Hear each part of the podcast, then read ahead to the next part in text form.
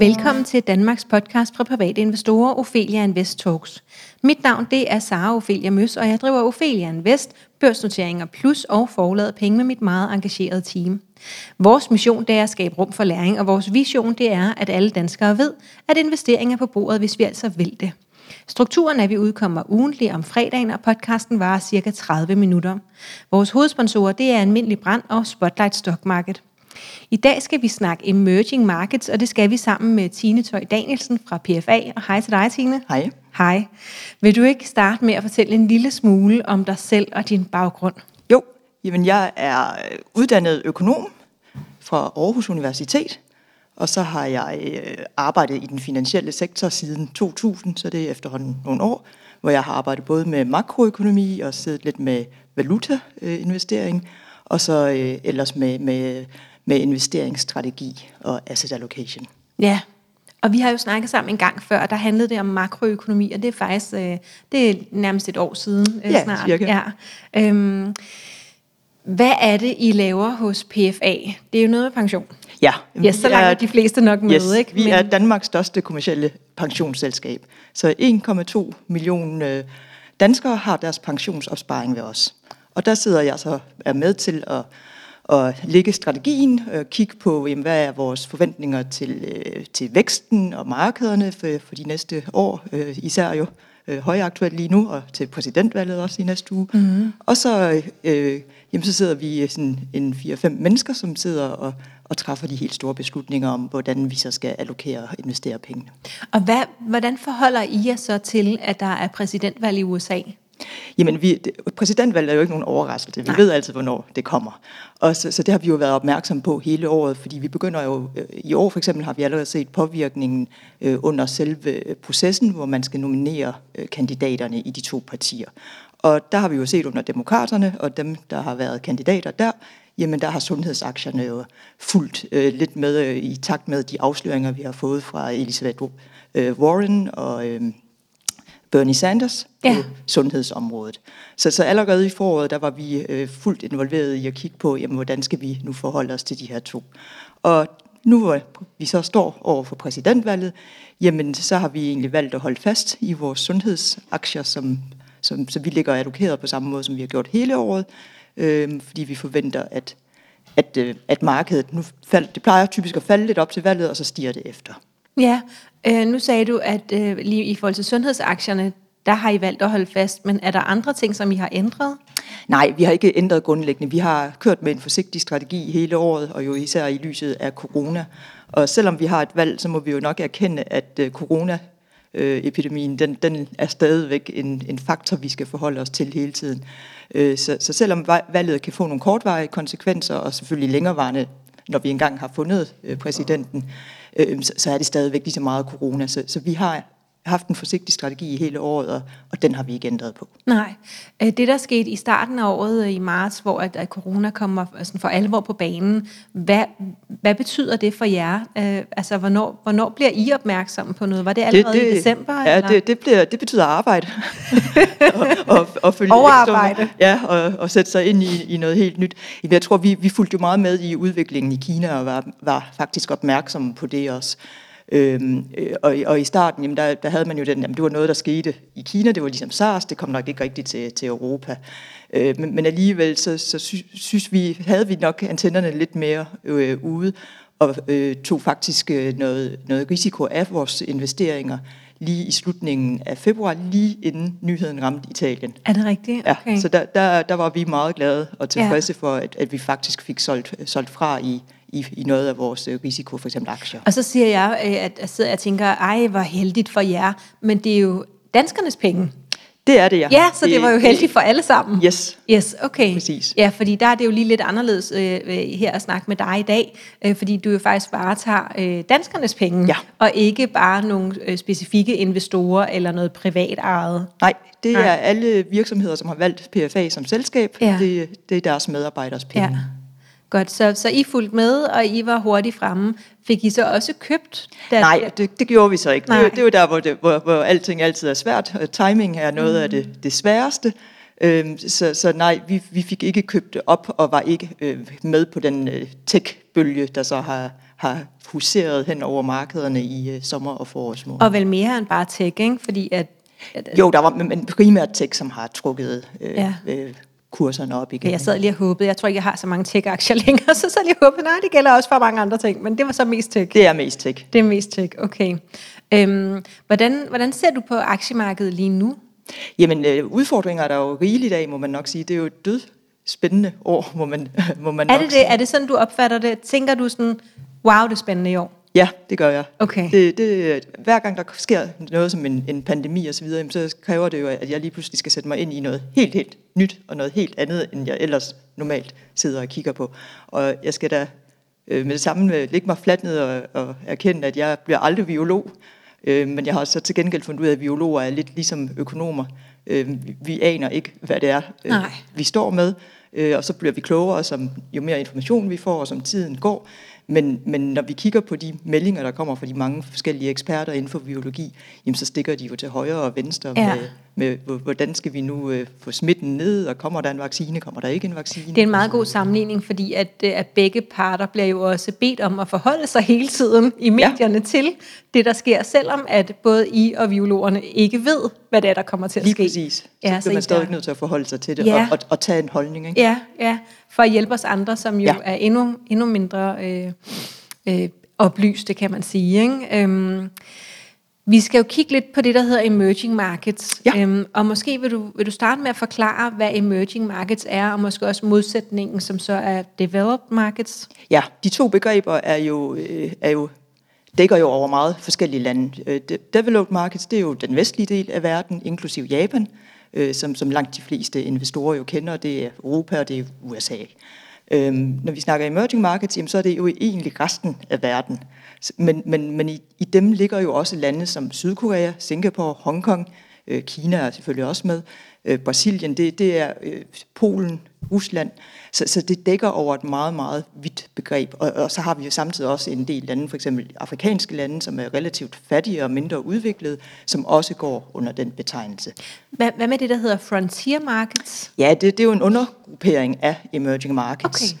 Øhm, så, så der har vi især nogle, en, en del af de mellemøstlige lande, altså lande, som egentlig har udviklet, øh, eller, eller som er på et andet udviklingsstadie, øh, og er, er, er på vej op i, i, at, i, i at blande sig lidt mere med de øh, sådan mere veludviklede emerging markets lande. Okay, Øh, så selv i emerging markets, så er der også kategorier inde. Ja, fordi der er så store forskelle. Tager, tager du Sydkorea og Singapore, de, de øh, asiatiske lande, jamen så er de jo samme Polen, Tjekkiet, de er jo på mange måder på, på vores niveau rent udviklingsmæssigt. Men når vi snakker investeringer, så, så deler vi altså stadigvæk verden op i Og de hvorfor, to hvor, hvor er det så, at de så, hvis, hvis du siger Polen, at de på mange måder er helt øh, lige så udviklet som Danmark, hvorfor falder vi så i øh, developed markets og de andre i emerging? Hvad skal de gøre for at være med?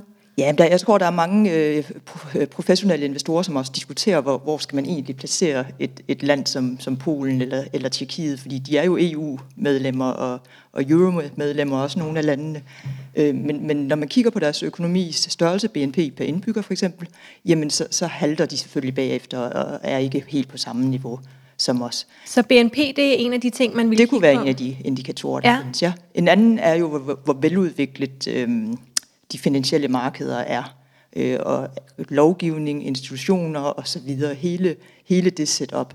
Og når vi så kigger i investering, jamen så vil jeg jo sige, så, så kan du jo egentlig dele markederne ind og sige, at, at øh, politik påvirker, eller kan påvirke, påvirke emerging markets landene i langt højere grad, end de, det kan i det developed marked. Og hvordan kan du komme med et eksempel? Jamen tager, tager vi øh, lande, hvor for eksempel Kina, hvor, hvor det politiske system jo har en, en helt anden rolle, øh, spiller en anden rolle og, og tyngde end i, i den vestlige del af verden. Jamen hvad der foregår på politisk niveau, jamen det er noget, der lynhurtigt kan smitte af på øh, aktiemarkedet, hvor i, i vores del af verden, så er det altså ikke altid lige, hvem der nu bliver valgt til det ene eller det andet, øh, så, som vi så investerer efter. Okay, det, det er pudsigt, du siger det, fordi det vil jeg tro, at, øh, at politik også i stor grad øh, påvirker aktiekurserne sådan i, i den udviklede del af verden. Det, det gør men det måske også, ikke i samme grad. Nej, det gør det indirekte, fordi så kommer det jo an på, hvilke økonomiske politikker er det, som øh, vi fører. Og tager vi nu præsidentvalget, som jo er, er ganske Oplagt. oplagt, Ja. jamen så betyder det selvfølgelig noget, hvor, hvor store øh, finanspolitiske pakker de to præsidentkandidater. Fordi det betyder noget for væksten, og dermed også for indtjeningsudsigterne på, for virksomhederne. Tager vi et land som Brasilien, jamen så betyder det rigtig meget, om det er en, øh, en arbejder, øh, socialistisk præsidentkandidat, som står til at vinde, eller om det er en mere konservativ og mere markedsvenlig. Så, så der får man sådan lidt, jamen er det et, er det et system, vi får ind, hvor, hvor det, det, regeringen vil blande sig meget og regulere osv., eller er det egentlig en, en, en præsident, som står for deregulering og mere markedskræfterne skal herske? Jamen så er det de, de temaer, vi investerer efter, og, og egentlig ikke så meget ned på, jamen hvad er det helt præcis, om vil, vil de lave en finanspolitisk lempelse på 1000 milliarder eller på 2000 milliarder? Hvor, hvor der har vi mere fokus på den politik, der bliver gennemført i Okay. den vestlige del af verden. Ja, okay. Det, det giver meget god mening.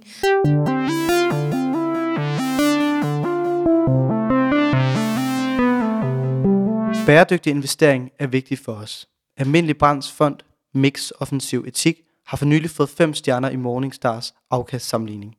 Dette beviser, at bæredygtige investeringer sagtens skal gå hånd i hånd med god afkast. Hele det her med at, øh, at sige noget om, om emerging markets, hvad, hvad, hvad er det, din baggrund er inden for det? Hvorfor er det, du ved noget om det her? Jamen det gør jeg jo, fordi at jeg var så, så glad for at studere åbenbart, så jeg tog et ekstra studie, to år ekstra, øh, så jeg tog en overbygning i østasiatiske studier også, øh, med, hvor, hvor fokus jo var, især var på, på Kina, øh, Japan også, men, men også på udviklingsøkonomierne der. Øhm, Så var det en ekstra kandidat? Ja, det var det. Okay. Jeg, Det jeg, jeg, ikke nød, jeg ti- tiden på universitetet. Og, og så samtidig, jamen, så på økonomistudiet, der prøvede jeg altså med at tage øh, fag inden for udviklingsøkonomier. Det interesserede mig øh, rigtig, rigtig meget i studietiden, og jeg havde også, jeg troede også dengang, at jeg skulle øh, lande i Udenrigsministeriet, når Ja. jeg var færdig, eller et eller andet, men, øh, men det skulle jeg så Det nåede du aldrig? ikke. Nej, der nåede jeg Nej, ikke du kan nå det endnu jo. Det kan jeg. Ja, Men- tænker du, det ligger i kortene? Nej, det gør jeg ikke. Okay. Nu, nu med børn og så videre, så selvom de jo også er ved at nå en alder, hvor man godt kunne rejse ud, øh, så, så nej, jeg har det godt, hvor jeg er. Ja, hvor ikke? jeg Du, er i vir- dag. du virker, og det gjorde du også sidst vi talte sammen, virker meget glad for det, du laver. Det er jeg også. Ja, øhm, så tillykke med det. Og så, Øhm. jamen, hvis vi lige holder Ja, kvad det studie, øh, de studier, jeg har, og fag, jeg har haft, jamen, så fik jeg så også ansvaret i mit første job for at dække emerging markets økonomierne. og hvor var det henne? Det var i Sydbank, Ja. og det var jo en helt, ikke en helt ny, men, men relativt ny aktivklasse, hvor det virkelig begyndte at, at, at samle sig interesse fra investorer omkring det at skulle investere i emerging markets. Og dengang, der startede det jo med obligationer. Okay, Så obligationer og valuta, det var det, var det helt store fokus. Og så er aktiemarkederne modnet siden. og hvornår var det? Var det, Det så var i, i, øh, i 2000. i 2000? Ja, der, ja. der begyndte vi at opbygge sådan en analysedel på emerging markets i, i, øh, i den danske finanssektor egentlig. Okay, så ikke bare i Sydbank. Det var, også- det der var, var også flere, i de andre var- banker. Ja. Ja. Hvornår kom aktierne så på banen i emerging markets? Og jamen, de kom jo i løbet af, af nullerne, hvor, hvor interessen også steg, og så, så var der jo hele EU-udvidelsen også, som, som især også trak øh, opmærksomhed på, på de østeuropæiske økonomier og investeringer i dem. Men, men det startede med, med obligationer, og så kom, er aktiemarkederne så kommet til sidenhen. Ja. Øh, er obligationer i emerging markets stadig spændende? Jamen, så, er det virksomhedsobligationer? Øh, både virksomhedsobligationer er især kommet til her øh, over de sidste 10 års tid. I starten var det primært statsobligationer, bygget på, på, øh, på gæld, som, som de her lande ikke har kunne tilbagebetale osv. Jamen, så har man udstedt nogle obligationer gennem tiderne, og det var så dem, man egentlig startede med at handle øhm, for, for ligesom at redde for eksempel øh, nogle af de sydamerikanske lande, Mexico og så videre, øh, op igennem 90'erne. Hvor, hvor meget risiko var der forbundet i at købe meksikanske statsobligationer? Rigtig meget. Ja, det tænker jeg også. Det er ikke...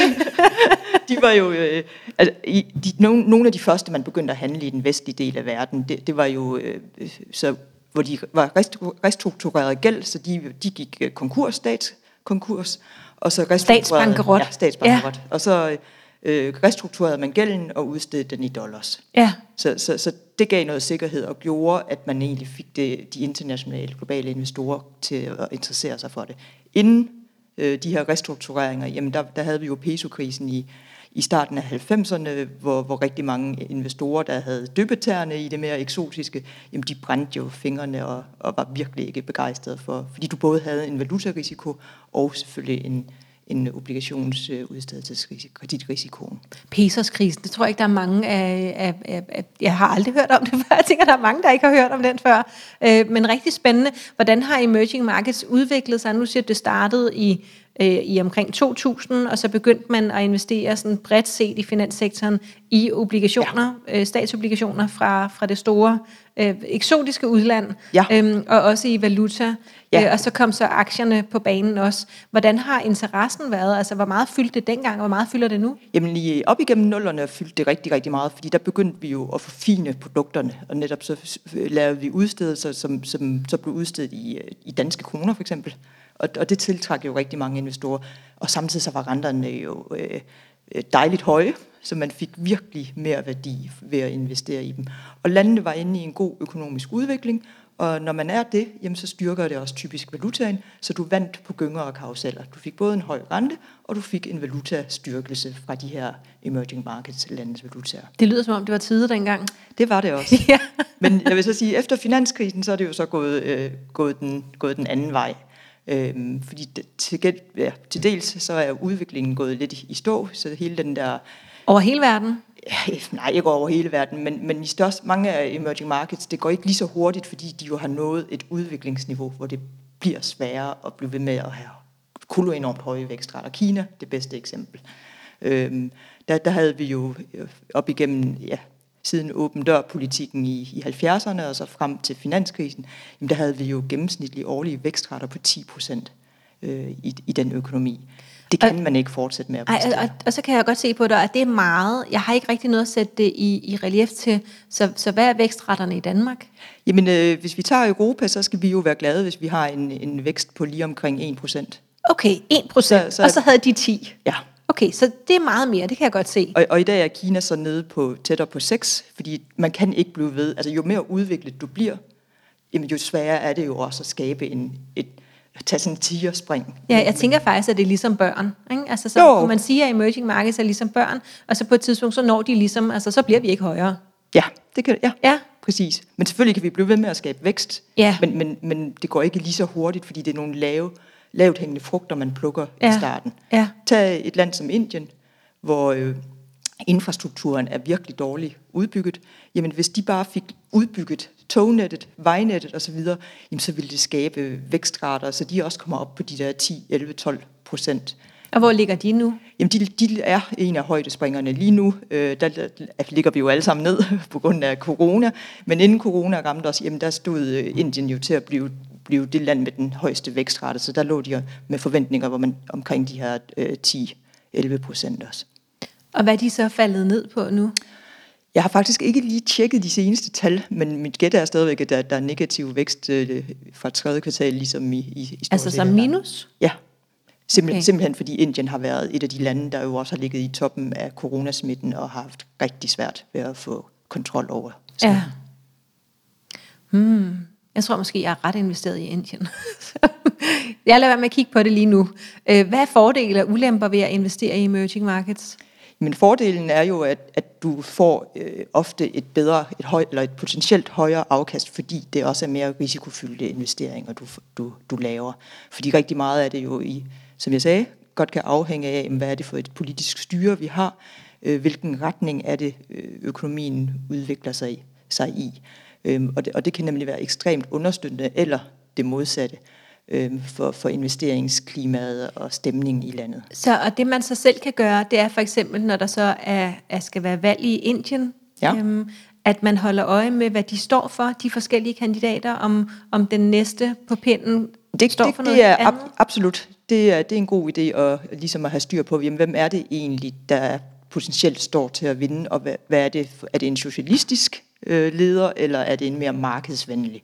Og globale investorer kan bedst lide dem, der er markedsvenlige. Det er klart. Det er klart. Øhm, så så, så, så der, der, der kommer man typisk også til at se, jamen hvis vi frygter, der kommer en, en, en mere socialistisk ind, øhm, som, som ikke er godt for investeringer og udvikling af landet, jamen så har vi altså også en tendens til, at, at øh, vi trækker vores penge ud af det pågældende land.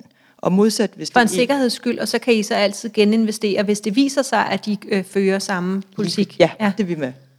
Det vil man gøre. Ikke? Okay. Men, men på den anden side, hvis du så har en kandidat, som virkelig vil reformer og har fremlagt alle de rigtige reformforslag, jamen så køber vi jo også ind på den historie, og så vil man gerne være med til at understøtte, og så kan man omvendt se, at aktiemarkederne stiger. Ja, er det, er det rigtigt, at vi i Danmark, øh, lige meget hvem vi stemmer på, så er de markedsvenlige, måske på nær alternativet enhedslisten?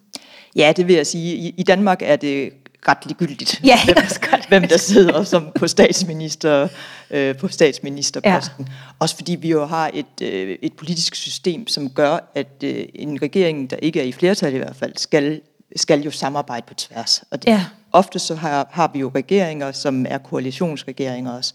Så, så, så der er hele tiden sådan en, en eller anden form for balancering i, øh, i tingene.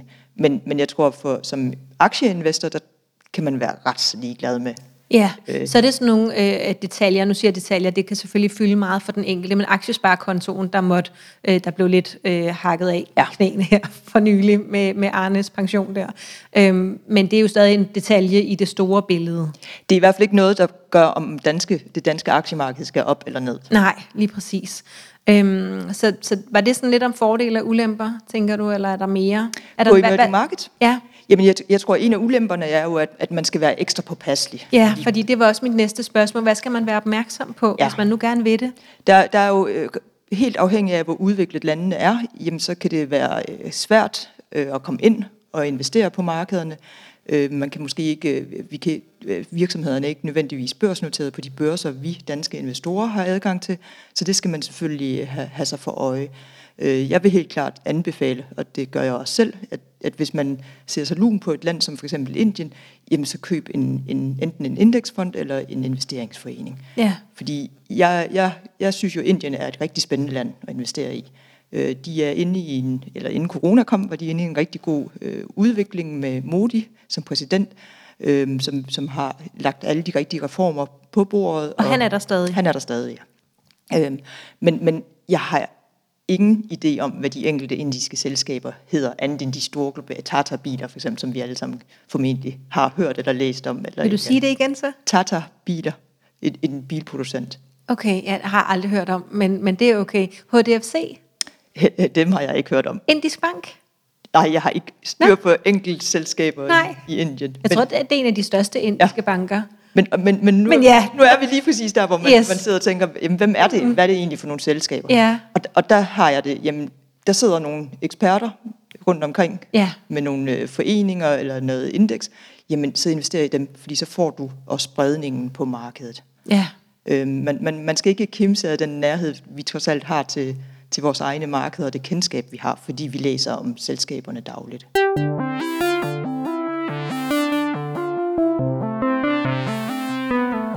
Ophelia Invest Talks er sponsoreret af Spotlight Stock Market. Spotlight Stock Market er markedspladsen, hvor investorer og vækstselskaber mødes. Hos Spotlight er det enklere og tryggere for selskaber at være noteret, da det tilbyder en helhedsløsning. Det øger synligheden for selskaberne gennem unikke mediesamarbejder. Investorer får gennem Spotlight mulighed for at blive medejer i mere end 170 vækstselskaber i forskellige brancher fra flere lande. Deriblandt selskaber som Free Trailer, Barnhof og Synthetic MR. Så, så, så vil det være dit, dit bedste råd i forhold til at investere i emerging markets, at vi gør det via en øh, fond?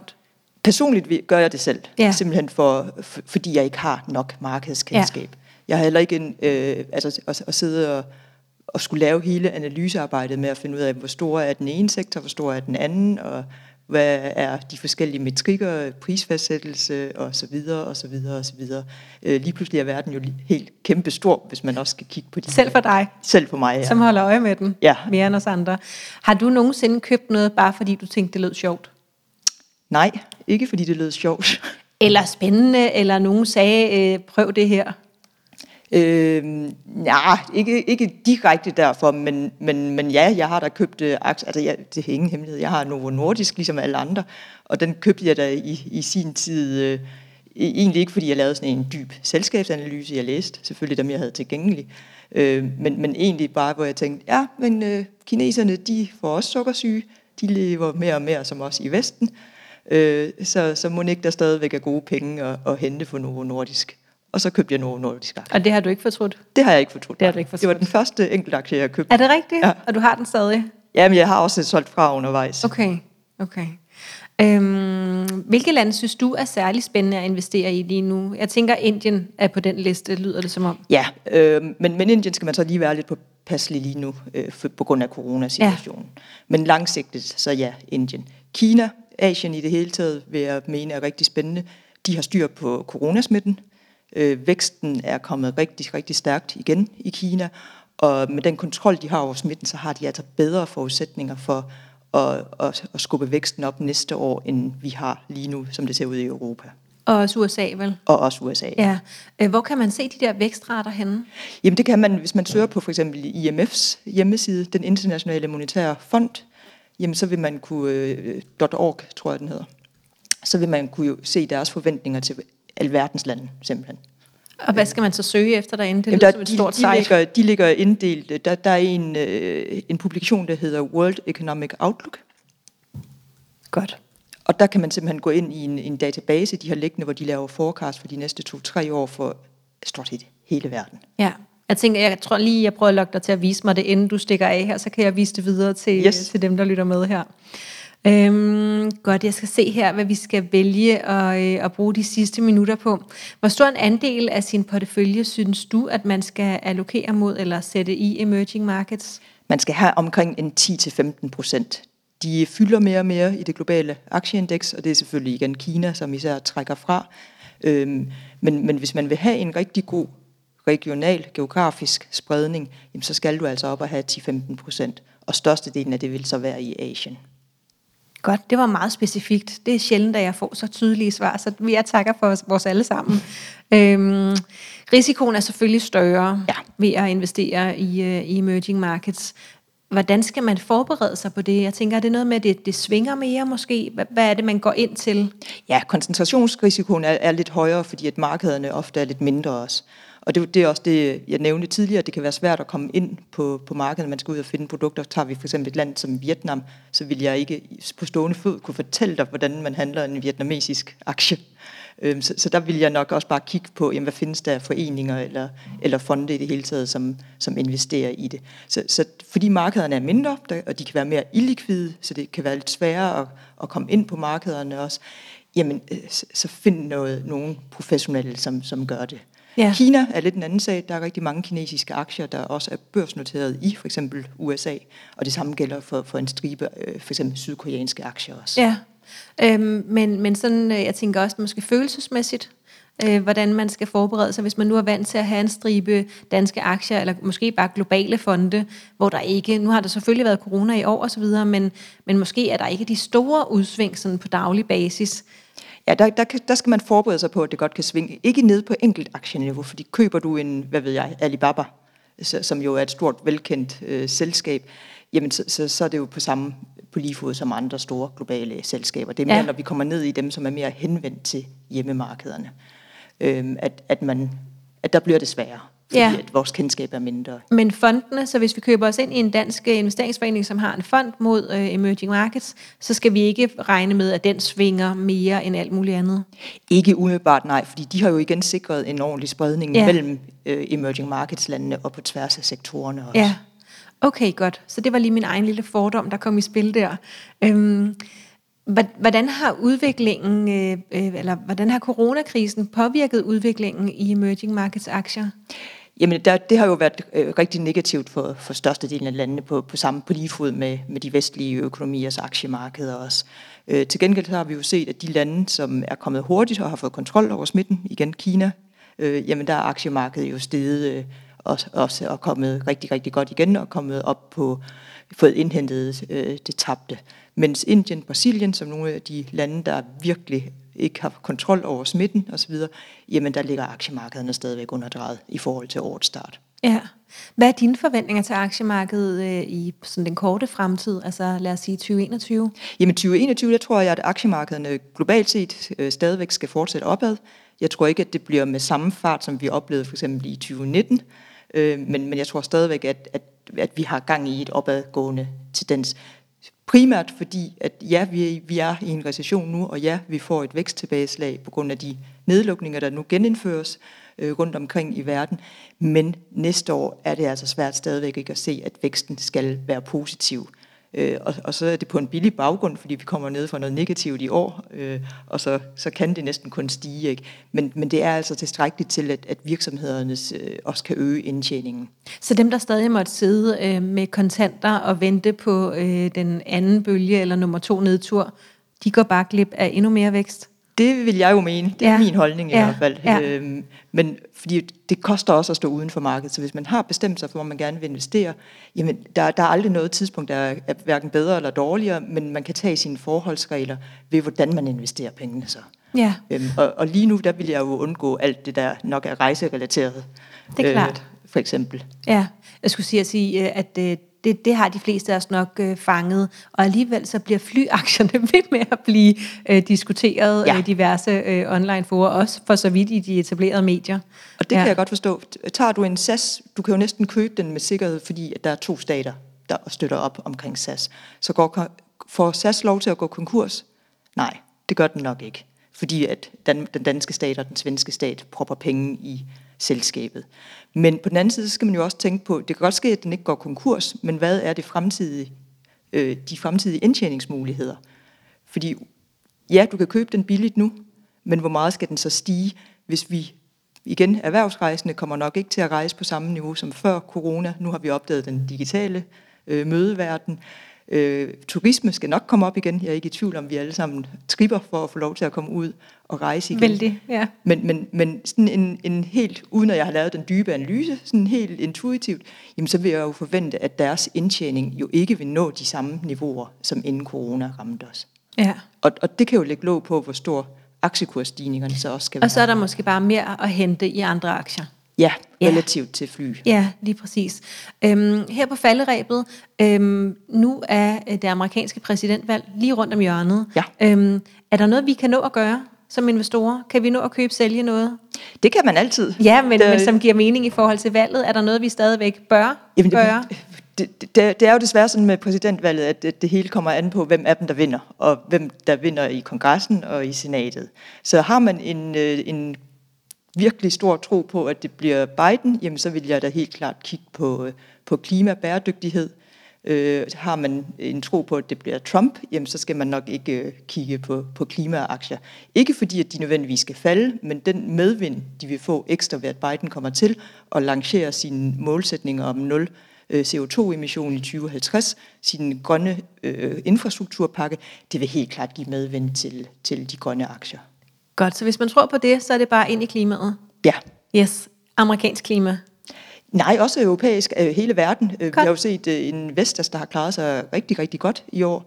Det tror jeg da helt klart er på forventningen, ikke kun med præsidentvalget, men jo også på, at øh, her i EU, at politikerne har et koloenormt fokus på klimaet, også i hele den her genopretningsfond og de pakker, der Og det er jo så uafhængigt af præsidentvalget? Yes. Yes, så bare altid gå med klimaet? Så, så det er bare ekstra krømmel, hvis det yes. bliver Okay, det Biden, men det er ikke en dårlig forretning alligevel? Nej. Nej, okay. Det var det, vi nåede, øh, og tiden er også gået lidt over her, men det er så spændende. Tusind tak, fordi du ville være med, Tine. Tak, fordi jeg måtte. Du kan følge Ophelia Invest på Facebook, Instagram, YouTube og LinkedIn. Feedback er altid velkommen. Du må meget gerne give os en rating ind på iTunes, eller hvor du nu lytter til din øh, podcast henne. Har du ris, ros og forslag, så send os en mail på kommunikationsnabla.ofeliainvest.dk. Det er også inde på Ophelia Invest på internettet, at vores øh, medlemsklub Ophelia Invest Club ligger. Der kan du lære at lave analyser, der er opgaver. Vi holder en times foredrag hver mandag aften. Der foregår rigtig meget derinde. Og så er du selvfølgelig velkommen ind i vores øh, øh, grupper på Facebook, Aktieklubben Danmark og Kvindelogen, hvor der sidder nu omkring 15.000 lidt over og sparer på daglig basis. Og så er der bare tilbage at sige tusind tak, fordi du lyttede med.